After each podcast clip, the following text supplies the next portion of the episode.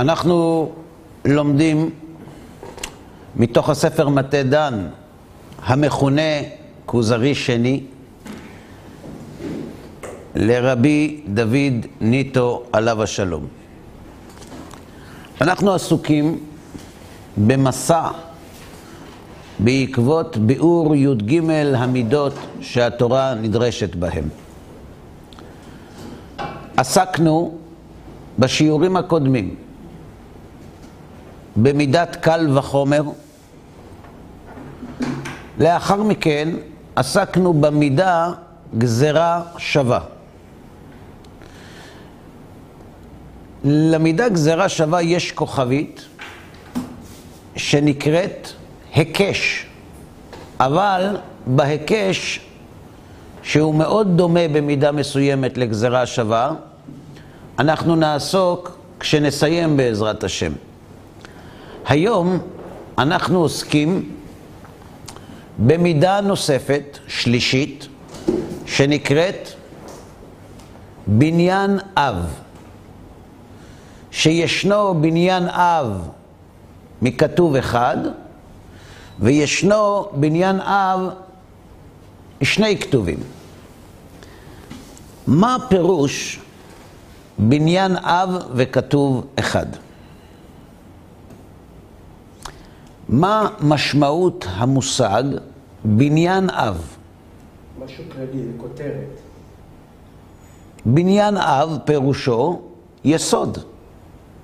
בניין אב, יסוד שיש לו תולדות, שלומדים ממנו, שהוא מקור שממנו מפקים הלכות נוספות שלא מופיעים במקום אחר.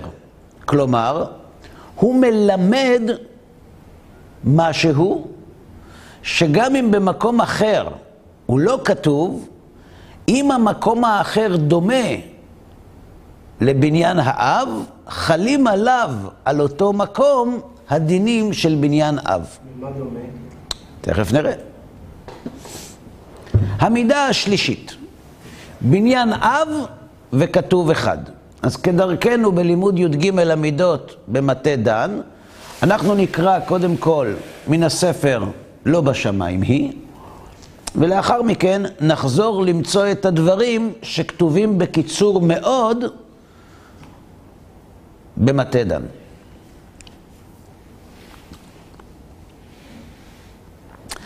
אנחנו יודעים שתורת ישראל בנויה על פי עיקרון שאנחנו מכנים אותו עקרון המינימום. הייתור הוא חיסרון, בדיוק כמו החיסור, ולפעמים אפילו יותר.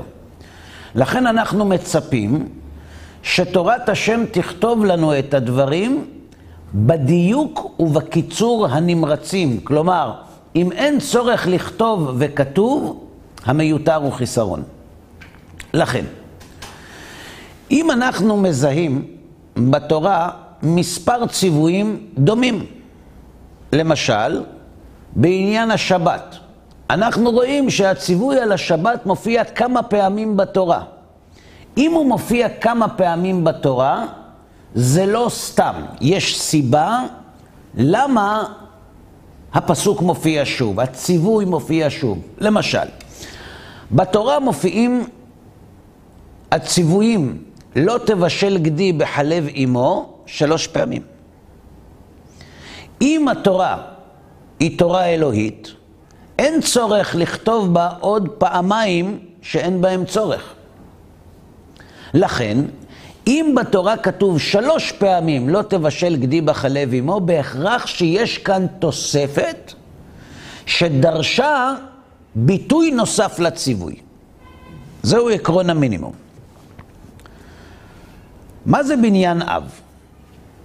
לפעמים לא יוזכרו דינים של ציווי, אלא במקום אחד.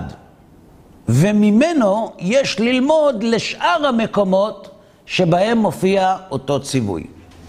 וזה נקרא בניין אב, שחז"ל השתמשו בו כדי ללמד ממקור מפורש אחד לכל המקרים שזהים למקור. לדוגמה, אנחנו מוצאים שימוש בבניין אב בדיני יום טוב. אנחנו יודעים ששבת וחג זהים זה לזה בכל ההלכות, כמעט. למעט דבר אחד, שבחג מותר ובשבת אסור. אני לא מדבר כרגע על מה שמופיע בתורה שבעל פה, אני מדבר כרגע על מה שמופיע בתורה שבכתב. כתוב כך, על חג המצות נאמר, שבעת ימים מצות תאכלו, אך ביום הראשון תשביתו שאור מבתיכם, כי כל אוכל חמץ ונכרתה הנפש ההיא מישראל. טוב. מיום הראשון עד יום השביעי. וביום הראשון מקרא קודש, וביום השביעי מקרא קודש. כלומר, איסור אכילת חמץ הוא מיום ראשון עד יום השביעי. אבל מקרא קודש, כלומר חג, שאסור במלאכה, זה ביום הראשון וביום השביעי. וביום השביעי, סליחה, מההתחלה, וביום הראשון מקרא קודש, וביום השביעי של החג מקרא קודש, כל מלאכה לא יעשה בהם. כלומר, אסור לעשות מלאכות ביום הראשון וביום השביעי. אך אשר יאכל לכל נפש, למעט, אך זה בא למעט, למעט מה שהוא מאכל ששווה לכל נפש, הוא לבדו יעשה לכם. כלומר, שבת וחג, מקרא קודש, כל מלאכה לא תעשו, למעט אך אשר יאכל לכל נפש, הוא לבדו יעשה לכם שאסור בשבת, ולמרות זאת, מותר ביום טוב. כלומר, בציווי הזה התורה קובעת שהקדושה של יום טוב ראשון של פסח היא כמו שבת. מקרא קודש. ממילא חלים על חג הפסח, על היום הראשון ועל היום השביעי, כל איסורי המלאכה, שנאמר בפסוק, כל מלאכה לא יעשה בהם. בסדר? אבל, כמו שאמרנו, מלאכת אוכל נפש, בישול לצורך אוכל נפש, הבישול הזה הותר ביום טוב ראשון וביום טוב אחרון של חג הפסח. בסדר? הדין הזה, שמותר לבשל לצורך אוכל נפש בחג הפסח, הוא דין חדש. הוא דין שמייחד את החג על פני השבת. את איזה חג הוא מייחד? את חג הפסח. כמה חגים יש? שלושה. השאלה היא, האם בחג השבועות ובחג הסוכות גם מותר לבשל לכל נפש, כמו בחג הפסח, או לא? מצד אחד, שלושת החגים זהים, שלושה רגלים, פסח, שבועות וסוכות. מצד שני, ההבדלה והייחוד שמבדיל את החג, חג הפסח, משבת, על ידי אך אשר יעשה לכל נפש, הוא לבדו יעשה לכם, זה נאמר בפסח. אם זה נאמר גם בשבועות וגם בסוכות, בסדר. אבל מה יהיה אם זה לא יהיה כתוב שם? כלומר, על חג השבועות כתוב מקרא קודש, כל מלאכה לא יעשה בהם, נניח. או על חג הסוכות יהיה כתוב מקרא קודש, כל מלאכה לא יעשה בהם. מה יהיה אז? האם בחג הסוכות יהיה מותר לבשל את מה שיאכל לכל נפש? לא, כי כתוב פה, אנחנו עושים... למה? מצב חיים כתוב פעם אחת, אז זה מתחיל לכל. זאת אומרת, יש כאן ספק.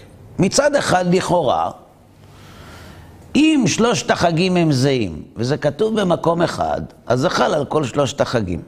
אבל מצד שני, אם זה כתוב רק בחג הפסח, יכול להיות שיש בחג הפסח משהו מיוחד, שבגללו מותר לבשל לכל נפש. למשל, חג הפסח אסור לאכול חמץ. כשאסור לאכול חמץ, המצב הקולינרי של חג הפסח לוקה בחסר. אז אולי כדי לפצות את האנשים שהקולינריות היא בנפשם, לכן התורה התירה להם לבשל, גם ביום טוב. אבל בחג השבועות, או בחג הסוכות, לא. כלומר, אנחנו לא יודעים מה מעמדם של שני החגים הנוספים בלוח השנה, מצד היתר הבישול שניתן בפסח. מה כתוב בחג השבועות? וקראתם בעצם היום הזה מקרא קודש יהיה לכם, כל מלאכת עבודה לא תעשו, חוקת עולם במושבותיכם, בכל מושבותיכם לדורותיכם. מקרא קודש, אסור מלאכה. כמו פסח, מקרא קודש, אסור לעשות מלאכה. מה כתוב בסוכות? ביום הראשון מקרא קודש. כל מלאכת עבודה לא תעשו. וגם לא בשמיני עצרת, שמה כתוב שם? שבעת ימים תקריבו אישה להשם, ביום השמיני מקרא קודש יהיה לכם, והקרבתם אישה להשם, עצרת הוא, כל מלאכת עבודה לא תעשו. זאת אומרת, גם בשמיני עצרת, גם בחג הסוכות וגם בחג השבועות, איסור המלאכה שיונק ממקרא קודש מופיע, אבל אך אשר יאכל לכל נפש הוא לבדו יעשה לכם, לא מופיע. אומרים חז"ל, תדע לך שההיתר אך אשר יעשה לכל נפש ולבדו, אך אשר יאכל לכל נפש ולבדו יעשה לכם, ההיתר הזה הוא בניין אב לכל החגים כולם.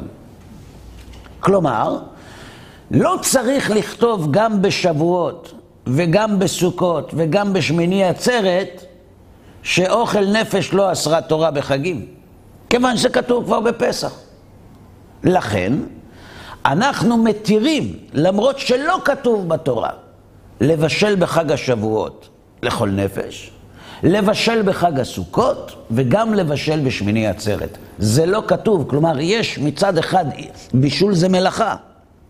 זה מלאכה דאורייתא. מי שמבשל בשבת, אם זה בשוגג, מביא קורבן, אם זה במזיד, זה איסור חמור מאוד. זאת אומרת, שכתוב כל מלאכה לא תעשו, זה כולל בישול. ואין החרגה של בישול בשבועות סוכות ושמיני עצרת, אומרים חז"ל, מותר לך.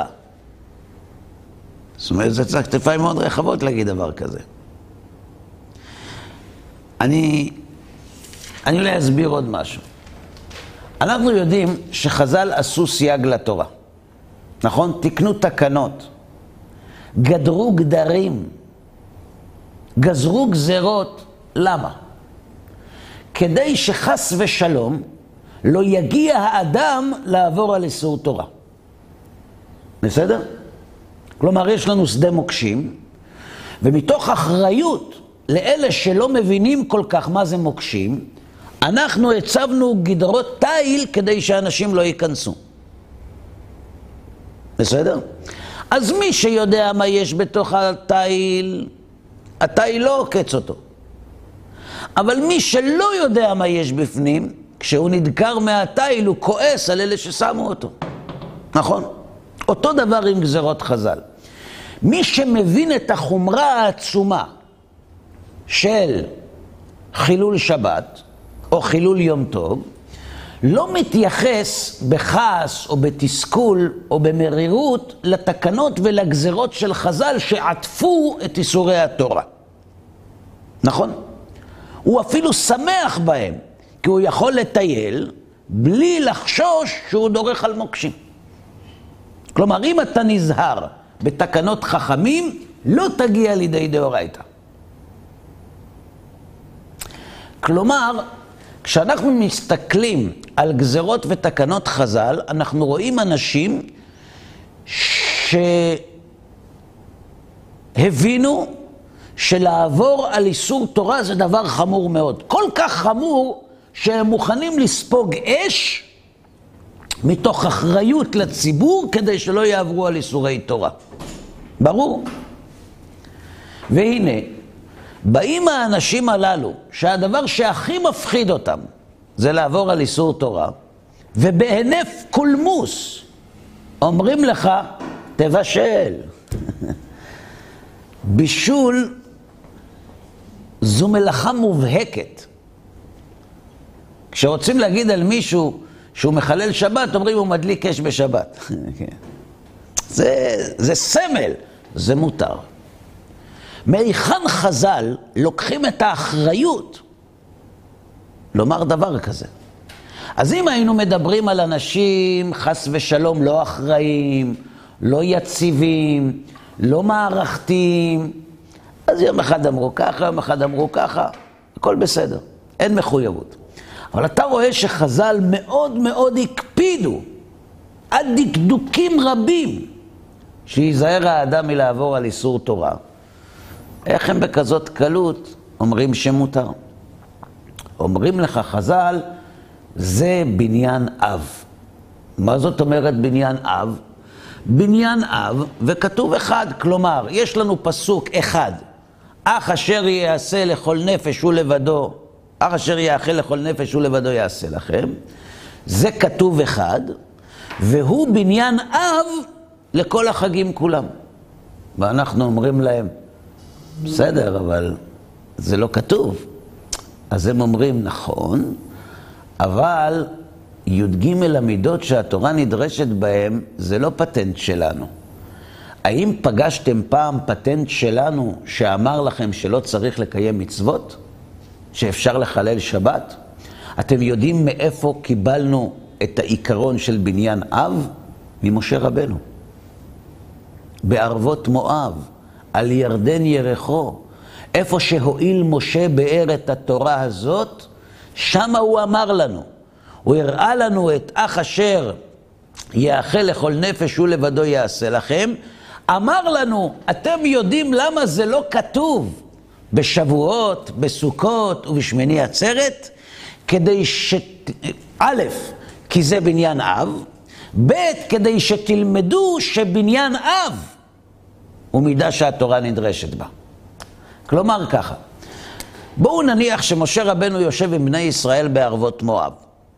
ואומר להם את הפסוקים של חג הפסח, ואז הם שואלים אותו, ומה זה אומר בתכלס? הוא אומר, בתכלס זה אומר שאתם יכולים לבשל כל מה שיאכל לכל נפש. ואז הם שואלים אותו, רגע, ומה עם שאר החגים? אומר, גם מותר. כשמשה רבנו אומר גם מותר, הם שואלים אותו איפה זה כתוב? לא. כי אם משה רבנו אומר, זה בשם השם. כלומר, עם ישראל יודעים, זה חשוב, הפרט הזה חשוב, כי למדנו אותו כבר, עם ישראל יודע שמותר לבשל בשבועות וסוכות, לא בגלל בניין אב, בגלל שמשה רבנו לימד אותם את זה. ברור? יש מקרים אחרים? רגע, שנייה, כן, רגע. כלומר, עם ישראל יודעים ממשה רבנו שמותר לבשל בשבועות, ושמותר לבשל בסוכות, ושמותר לבשל בכל החגים, לא מהפסוק, ממשה רבנו. אחרי שמשה רבנו מלמד אותם את הדין הזה, הם אומרים לו, בסדר, אבל אם אנחנו רוצים בישיבה לראות איפה זה כתוב בתורה, אז הוא מלמד אותם את העיקרון של בניין אב, ואומר להם איפה זה כתוב בתורה.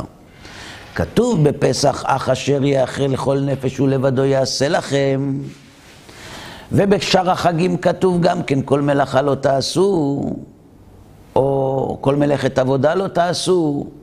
מזה אנחנו לומדים שפסח הוא בניין אב לכל החגים כולם. כלומר, משה רבנו מלמד את ההלכה, עליה הוא מניח שכבה נוספת, הוא מלמד אותם דרך ההלכה הזאת את העיקרון השלישי שנקרא בניין אב וכתוב אחד.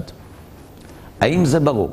שאלת אם יש עוד מקומות. לא, אני מתכוון מקומות שיש כביכול בניין אב לא מופיע במקום אחר, אבל אין היתר, יש איסור, כי צריך להעמיק ולהבין למה זה כתוב.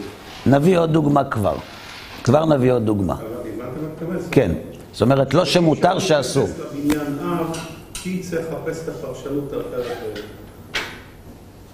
זה אומר שלא כל מקום זה בניין אב. זה בדיוק מה ש... ודאי, אנחנו תכף נראה.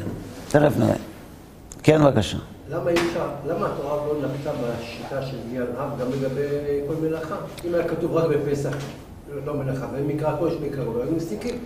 שאלה מצוינת, חייבת להיות תשובה לשאלה שלך. כי אם לא, יש כאן ייתור עצום, נכון? לומדים מכל מקום משהו שאם לא היה כתוב, לא היינו יודעים אותו. דוגמה נוספת. כתוב בפסוק, והייתם לי קדושים, כי קדוש אני השם. ואבדיל אתכם מן העמים להיות לי. מה כתוב כאן? אומר הקדוש ברוך הוא לעם ישראל, תהיו נבדלים לי מכל העולם, כי נבדל אני, השם, ואבדיל אתכם מן העמים להיות לי. כלומר, כיוון שאני הבדלתי אתכם מכל העמים להיות לי, אני מצפה מכם שגם אתם תיבדלו. במה יכולים היהודים להיבדל מאומות העולם? במה? ב... בכך שהיהודים לא עושים את מעשה הגויים. למשל, רק שלא תחשבו שזו פרשנות שלי, אז אני קורא שוב את הפסוק. והייתם לי נבדלים, קדושים. כי נבדל אני השם אלוהיכם. ואבדיל אתכם מן העמים להיות לי, לכן אל תהיו כמוהם. ומיד בהמשך, ואיש או אישה, כי יהיה בהם אוב או ידעוני, מות יומתו, באבן ירגמו אותם, דמיהם בם. כלומר, מהי הדוגמה שהתורה נותנת לנבדלות הישראלית מאומות העולם, שאומות העולם שואלים באוב וידעוני. הם דורשים אל המתים.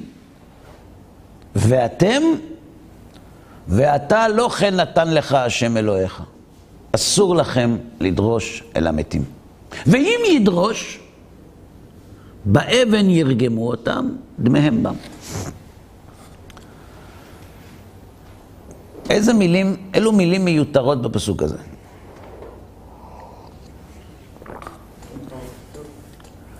והייתם לי קדושים כי קדוש אני ואבדיל אתכם מן העמים להיות לי ואיש או אישה הרי כי יהיה בהם אוב וידעוני מות יומתו באבן ירגמו אותם דמיהם בם. איזה ואם? ואיש או אישה כי יהיה בהם אוב וידעוני מות יומתו. איך מות יומתו?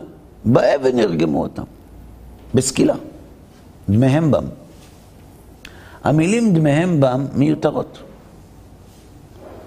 מגיע להם, דמיהם בם.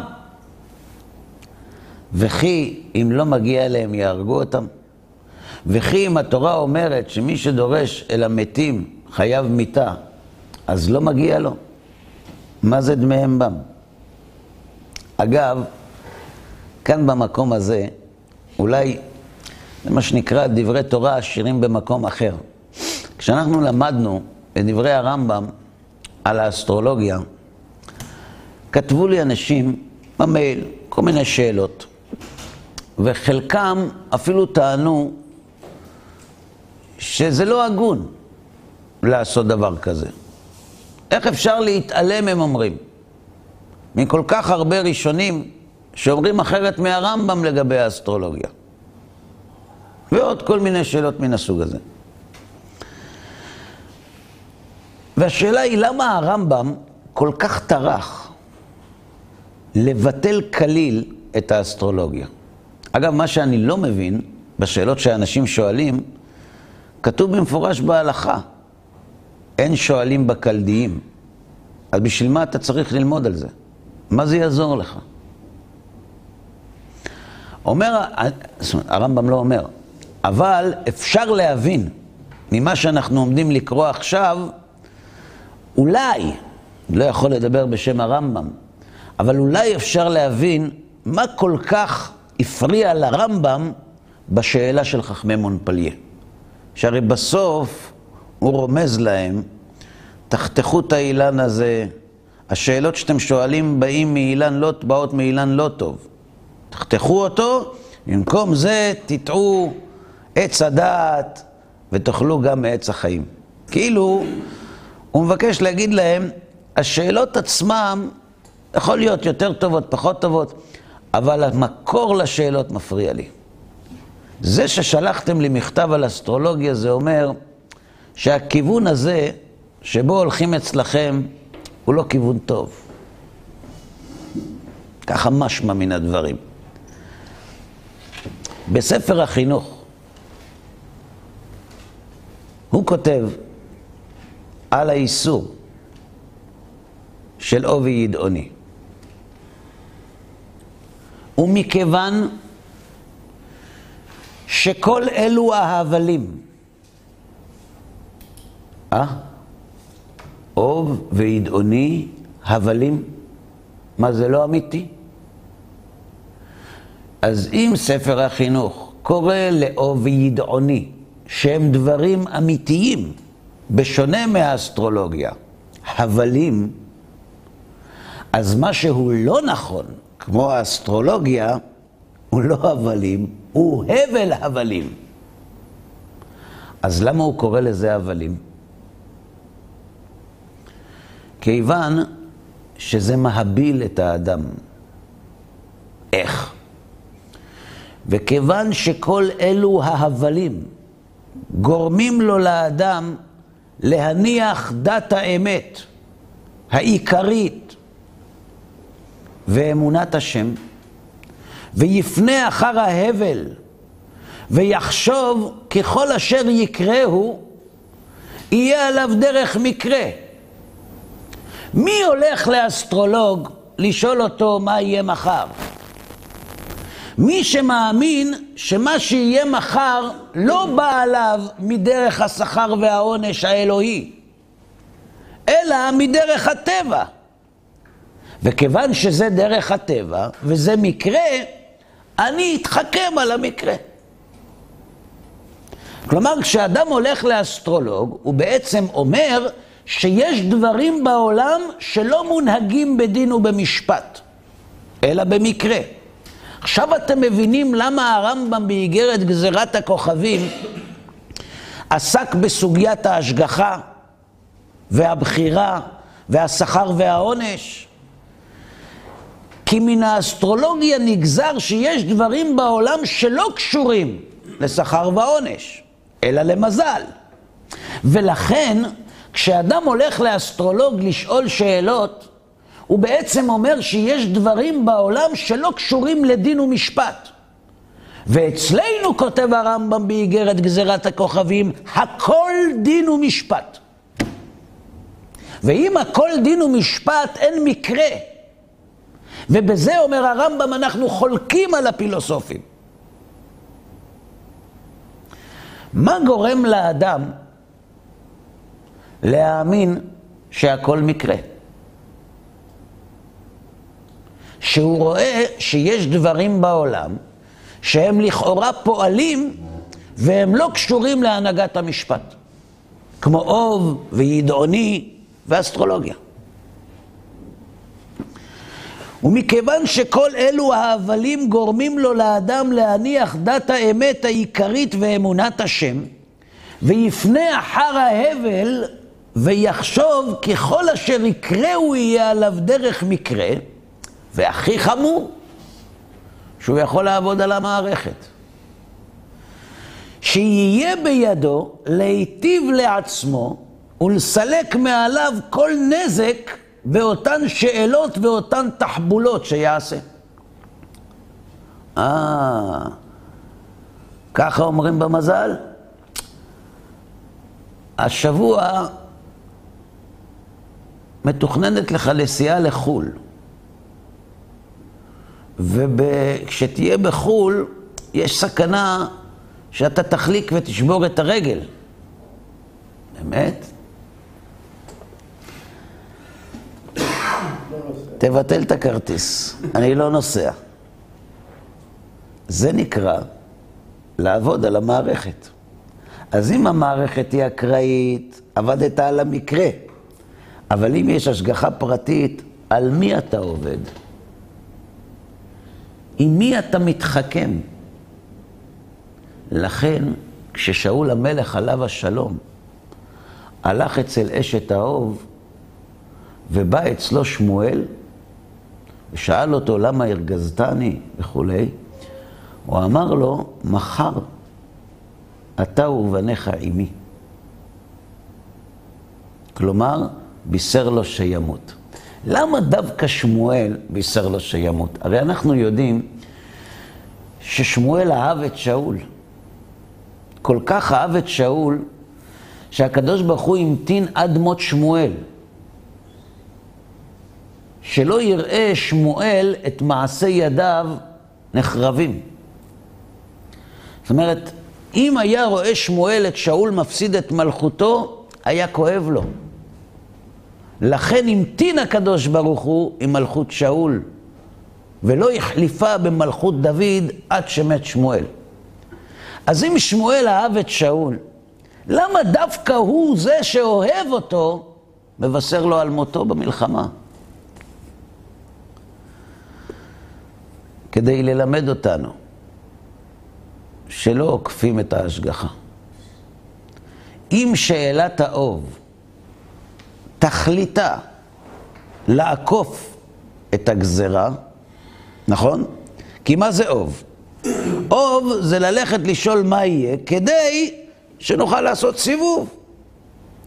דווקא במקום הזה לימדו אותנו חז"ל, דווקא במקום הזה הראו לשאול שאי אפשר לעקוף את ההשגחה, שהכל דין ומשפט. זאת אומרת, הדין הוא לא כתוצאה מהעלאה באור. לא. היה, זה, זה... נגזרה גזרה. אומר בעל החינוך עליו השלום, ויחשוב ככל אשר יקרה הוא יהיה עליו דרך מקרה, ושיהיה בידו להיטיב לעצמו ולסלק מעליו כל נזק באותן שאלות ואותן תחבולות שיעשה. וכל זה איננו שווה לו, כי הכל נגזר מאת אדון העולם, והכל לפי מעשה הכושר או החטא אשר יעשה האדם, יתחדשו עליו מעשים, אם טוב ואם רע, כמו שכתוב באיוב, כי פועל אדם ישלם לו. ועל זה ראוי לו לאדם, להשכין מחשבותיו ולכוון דרכיו, וזוהי מחשבת כל אדם מבני ישראל הטובים. למה הוא כותב את זה? כי יכול להיות שהיו בני ישראל בתקופת בעל החינוך, שהייתה מחשבתם שם, ולכן הם לא היו טובים. וזוהי מחשבת כל אדם מבני ישראל הטובים. זוהי מחשבת היהדות. ועוד, שיש בעניין זה שלא ועידוני צעד עבודה זרה. זאת אומרת, יש למטה, זה גם קצת עבודה זרה. יש פה שאלה עצומה. עבודה זרה זה אחד משלושה איסורים שנאמר בהם ייהרג ואל יעבור. למה בעל החינוך לא פותח ואומר, משורשי המצווה, אסור לשאול בעובי עידוני בגלל עבודה זרה, וגם כל מה שהוא אמר. למה הוא מתחיל דווקא עם מה שלכאורה פחות חמור, ובסוף הוא ככה אומר לך בשורה אחת, אה, שכחתי, זה גם סוג של עבודה זרה. כאילו זה, זה על הדרך כזה. יודעים למה? כדי ללמד אותנו כמה חמור להאמין שהעולם פועל בצורה אקראית ושניתן לרמות את ההשגחה. שזה לא פחות חמור במחשבה, לא במעשה, מעבודה זרה. מהי עבודה זרה? לא יהיה בך אל זר. עבודה זרה זה אמונה שיש בעולם כוח שמנהל את העולם חוץ מהקדוש ברוך הוא. נכון? כשאדם הולך לשאול לא וידעוני, הוא בעצם אומר שיש בעולם כוח שאפשר לעקוף איתו את הקדוש ברוך הוא. ויש בעניין זה של אובי עידוני צד של עבודה זרה. אז על הדרך, כשעסקנו בסוגיית איסור עובי ידעוני, ששאלנו מהם המילים המיותרות ואמרנו דמיהם בם, הבאנו דברי החינוך שמסביר למה זה כל כך חמור. ולמה דווקא בזה נבדלים עם ישראל מאומות העולם? למה כשהקדוש ברוך הוא דורש מאיתנו, והתקדישתם כי קדוש, והייתם לי קדושים כי קדוש אני ואבדיל אתכם מן העמים להיות לי, הוא דורש מאיתנו להיבדל מן העמים בעובי ידעוני. למה? כי ההבדל בין עם ישראל לאומות העולם נעוץ בשאלה האם הקדוש ברוך הוא מנהל את העולם, או האם אפשר לעקוף אותו. כן, בבקשה, מה רצית לשאול? אתה ניתקת, אני רוצה להבין, אתה ניתקת את האסטרולוגיה למעשה של הקדוש ברוך הוא. הרי הוא יצר את הכוכבים, הוא יצר את הדברים, הוא גם יצר את האדם, למה לא יכול להיות הקשר? אני חוזר על שאלתך. אתה אומר שבדבריי ניתקתי את האסטרולוגיה מהקדוש ברוך הוא, כאילו היא מתנגדת לו. ולמעשה מי שברא את הכוכבים ואת המזלות זה הקדוש ברוך הוא. אז למה אתה מנתק אחד מהשני? תשובה, אני לא מנתק. הקדוש ברוך הוא ברא את הכוכבים. ואפשר שהשפע שיורד לעולם, כמו שמלמדים המקובלים, עובר דרך המסננים, שאחד מהם הוא הכוכבים והמזלות. אבל הכוכבים והמזלות הם לא מאן דאמר. הם לא מישהו שמחליט. הם לא מישהו שצריך להתחשב בו. הם לא מישהו שקובע מה יהיה עם האדם. למשל, כשהרמב"ם מדבר על אסטרולוגיה, תשים לב, הוא לא מדבר על אלה שאומרים שהכוכבים משפיעים על הנטייה של האדם. הוא מדבר על אלה שאומרים שהכוכבים מכריחים את האדם. וזו כפירה. כי אם אתה אומר שהכוכבים קובעים את גורלו של האדם, זה אומר שאין העולם מתנהל בדין ומשפט. אבל אם אתה יודע לקרוא את המהלך הזה... ו? אם אתה קורא אותו, אם הרמב"ם היה אומר, אני יודע, זאת אומרת, תיאורטית, אם הרמב"ם היה אומר, אני יודע לקרוא את המהלך של הכוכבים, כן. שהוא קשר ישיר כן. לקדוש ברוך הוא, זאת אומרת, למעשה, כן היה משהו. מה, מה למשל לקרוא את הכוכבים, כמו מה? שכשהם נמצאים במצב מסוים, זה כן. אומר, זה רצון השם, כי ככה הוא רצה שיקרה, ואותו בן אדם שנמצא באותה סביבה, זה הגועל שלו, זה, זה מה שהוא צריך לעשות. כן, עכשיו השאלה היא, האם ללכת לשאול את האסטרולוג מה אומרים הכוכבים, זה בסדר או לא? אני לא חושב שהאסטרולוג הוא הבן אדם, אני אומר... מי, ש, מי שמבין, כמו הרמב"ם, מי שמבין בכוכבים. אם הרמב"ם היה, היה, אולי הוא ידע, הוא לא רצה להיכנס לזה אפילו, אני לא יודע, לא רצה לתת פתח, אבל אני מניח שהוא ידע את, ה, את ההקשר הישיר בין, המעשה של הקדוש ברוך הוא למעשה הכוכבים. אני אשאל אותך שאלה. אני אשאל אותך שאלה. הגנים, הגנים, זה דבר, זה עבודה זרה? לא. מה זה גנים? זה הטבע. עכשיו, מי ברא אותם? הקדוש ברוך הוא. עכשיו, אם חס וחלילה בן אדם נהיה חולה, בן אדם נהיה חולה, אז הוא הולך לעקוף את הגנים. נכון? לעקוף אותם. למה? כי הם עשו אותו חולה. הם עשו אותו חולה. מי עשה אותו חולה? יש חוקיות בטבע, נכון? אומר הרמב"ם, מי שאומר שהכוכבים קובעים וגוזרים את גורלו של האדם, ושגורלו של האדם לא תלוי בזכויות וחובות, אלא במזל שלו, זה דבר חמור, והוא עיקר עבודה זרה.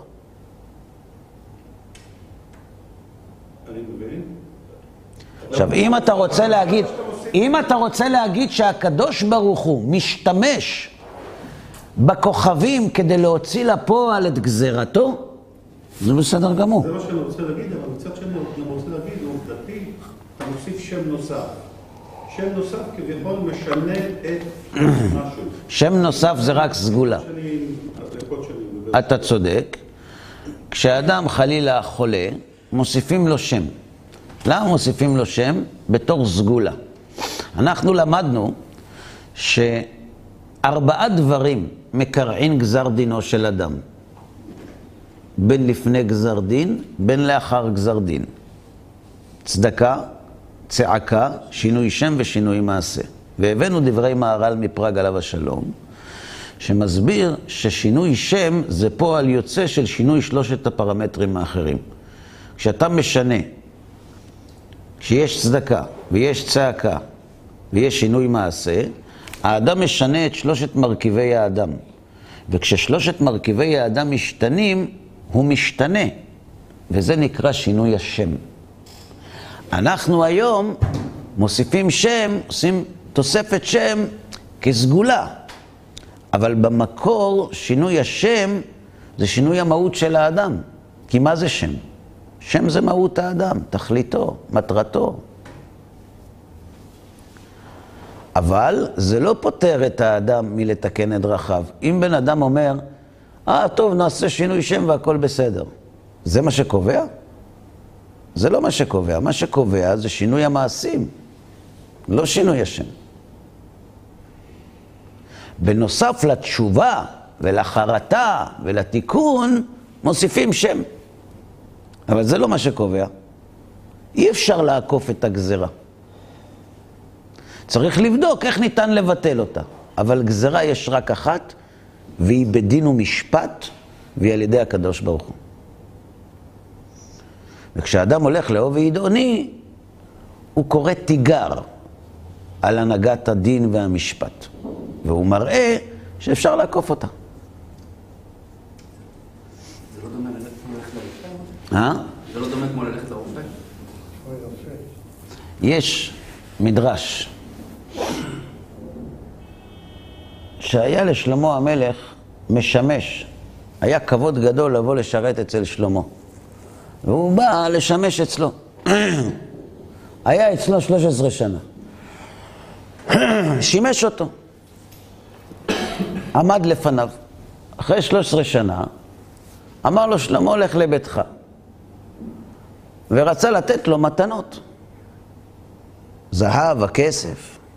אמר לו, אדוני המלך, אני פה עומד 13 שנה לפניך. הבל הבלים, אמר קהלת. הכל הבל, מה אני צריך כסף וזהב? אומר לו, אז מה תבקש? אמר, אני רוצה שתלמד אותי את שפת הבהמות. לא, הסכים. אמר לו, מבקש, לא. אמר לו, זה לא טוב לך. מה אני רוצה? אני רוצה. אמר, טוב. לימד אותו, חזר לביתו. והוא היה אדם עשיר, יושב במרפסת, מעל החווה, ורואה את השברים והחמורים חוזרים מעמל יומם. ואז השור והחמור הולכים ביחד. והוא שומע שהם מדברים. אומר לו השור לחמור, אתה יודע, מחר כל שדה החיטה של בעל הבית שלנו יישרף. הוא אומר לו, מה אתה יודע? הוא אומר לו, מה, אתה לא יודע שאנחנו מריחים דברים לפני שהם קורים? בעל הבית יושב, צוחק, צוחק, צוחק, רץ, מציע את השדה למכירה. מכר את השדה, למחרת השדה נשרף. יש. הוא ביקש חוכמה, קיבל גם כסף. כמו שלמה המלך. למחרת השור והחמור חוזרים מהשדה. ועוד פעם מדברים, מה יש לעשות בדרך הביתה? אנשים עייפים, מדברים באוטובוס. לא פגשת חמורים באוטובוס? בקיצור, עוד פעם מדברים, אומר לו, תקשיב, מחר הבית של בעל הבית קורס. אומר לו, מה אתה יודע? אומר לו, מה, אתה לא יודע שאצלנו מרגישים דברים לפני שהם קורים. שמע את זה בעל הבית, רץ למתווך, אמר לו, תמכור בחצי מחיר את הבית. מחר, למחרת, התמוטט הבית לקונה. צוחק בעל הבית. למחרת, חוזרים השור והחמור מהשדה.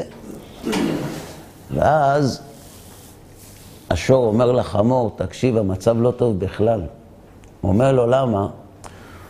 אומר השור לחמור, שהשור מרגיש שימיו ספורים.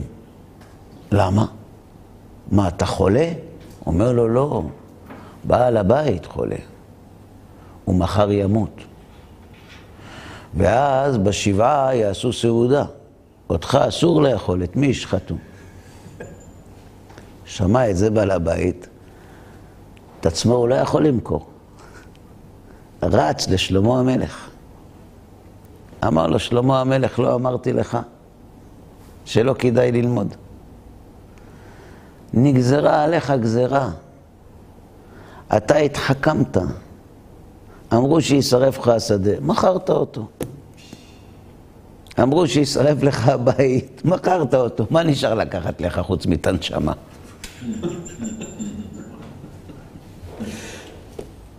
ברור. אנחנו חוזרים לענייננו.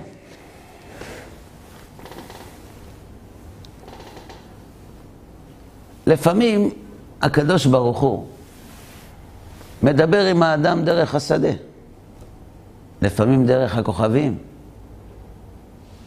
אבל אף אחד לא קובע חוץ ממנו, רק הוא. בפסוקים האלה, שבהם נכתב דמיהם בם, אומרים חז"ל יסוד. מה היסוד? שימו לב,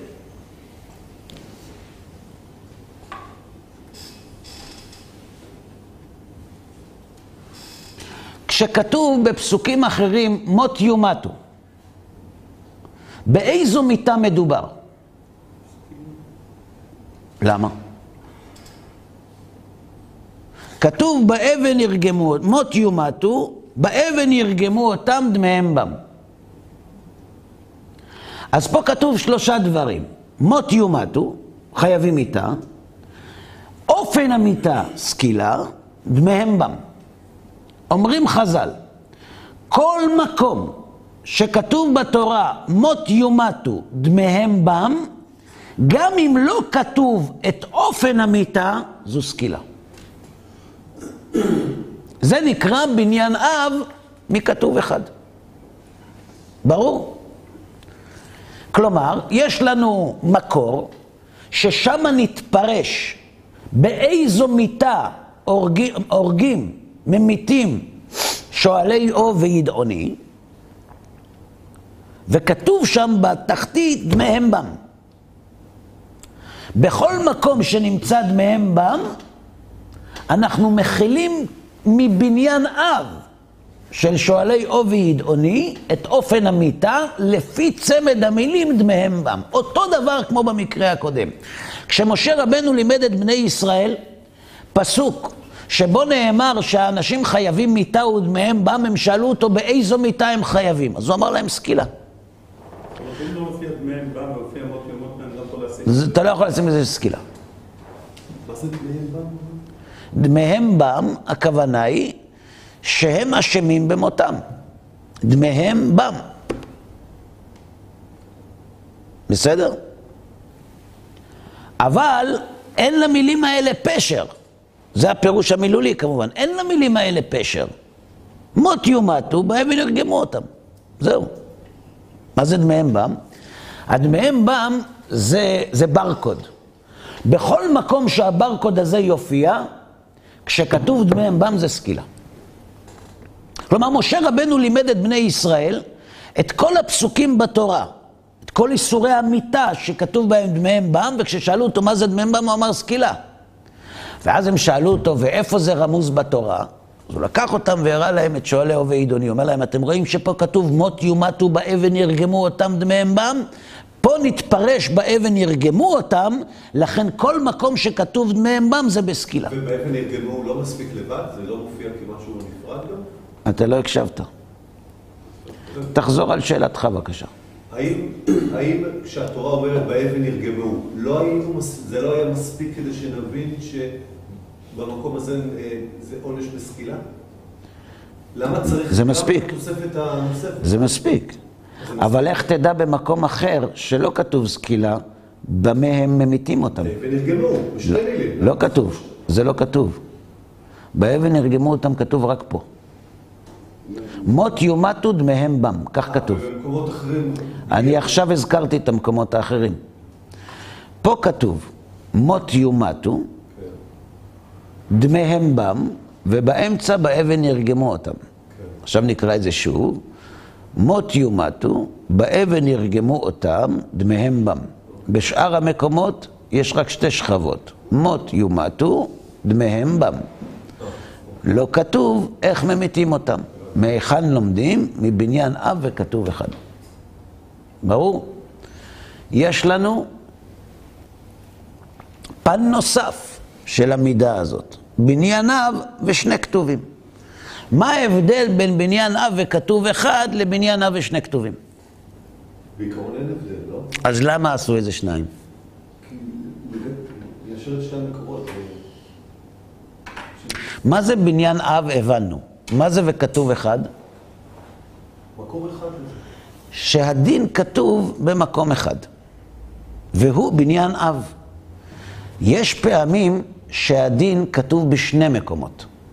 כלומר, מחצית הדין במקור א' ומחצית הדין במקור ב', ושניהם ביחד משמשים בניין אב. למשל, כתוב בתורה על הכהנים שעובדים בבית המקדש, שאם יש בהם מום, הם לא עובדים בבית המקדש. כי כל איש אשר בו מום, לא יקרב איש עיוור או פיסח, או חרום או שרוע, או איש אשר יהיה בו שבר רגל או שבר יד, או גיבן או דק או תבלול בעינו, או גרב או ילפת או מרוח, אשר כל איש אשר בו מום מזרע אהרון הכהן לא ייגש להקריב את אישי השם, מום בו את לחם אלוהיו לא ייגש להקריב. יש פה רשימה. לעומת זאת, בציווי הקורבנות, התורה נותנת רשימה נוספת של מומים, שאם הם מצויים בבהמה, אסור להקריב אותה. ואיש כי יקריב זבח של עמים להשם לפלה נדר או נדבה, או לנדבה, בבקר או בצאן, תמים יהיה לרצון. כל מום לא יהיה בו. עוורת או שבור או חרוץ או יבלת או גרב או ילפת לא תקריבו אלא לשם. ואישה לא תיתנו מהם על מזבח השם. ושור ושה שרוע וקלות, נדבה תעשה אותו, ולנדר לא ירצה, ומעוך וחטוט ונתוק וחרוט, לא תקריבו להשם, ובארצכם לא תעשו. יש ברשימת המומים בבהמה, מום שלא מופיע במומי הכהנים, והוא יבלת. אצל הכהנים מה כתוב? עיוור, פיסח, חרום, שרוע, שבר רגל, שבר יד, גיבן דק תבלול בעינו, גרב ילפת ומרוח אשך. אצל הבהמה כתוב שבור, כן, חרוץ, כן, יבלת. לא כתוב אצל כהנים. עכשיו מגיע הכהן ושואל את משה רבנו, הוא, יש בו יבלת. והוא רוצה לדעת אם מותר לו לשמש במקדש. משה רבנו אמור להסתכל ברשימת המומים של הכהנים ולהגיד לו לא. נכון? אומרים חז"ל, המכנה המשותף בין שני הציוויים, פסילתם של בעלי מומים. אחד מלהיות מוקרב ואחד מלהיות מקריב. כלומר, המקריב והמוקרב, אסור להם להיות בעלי מומים.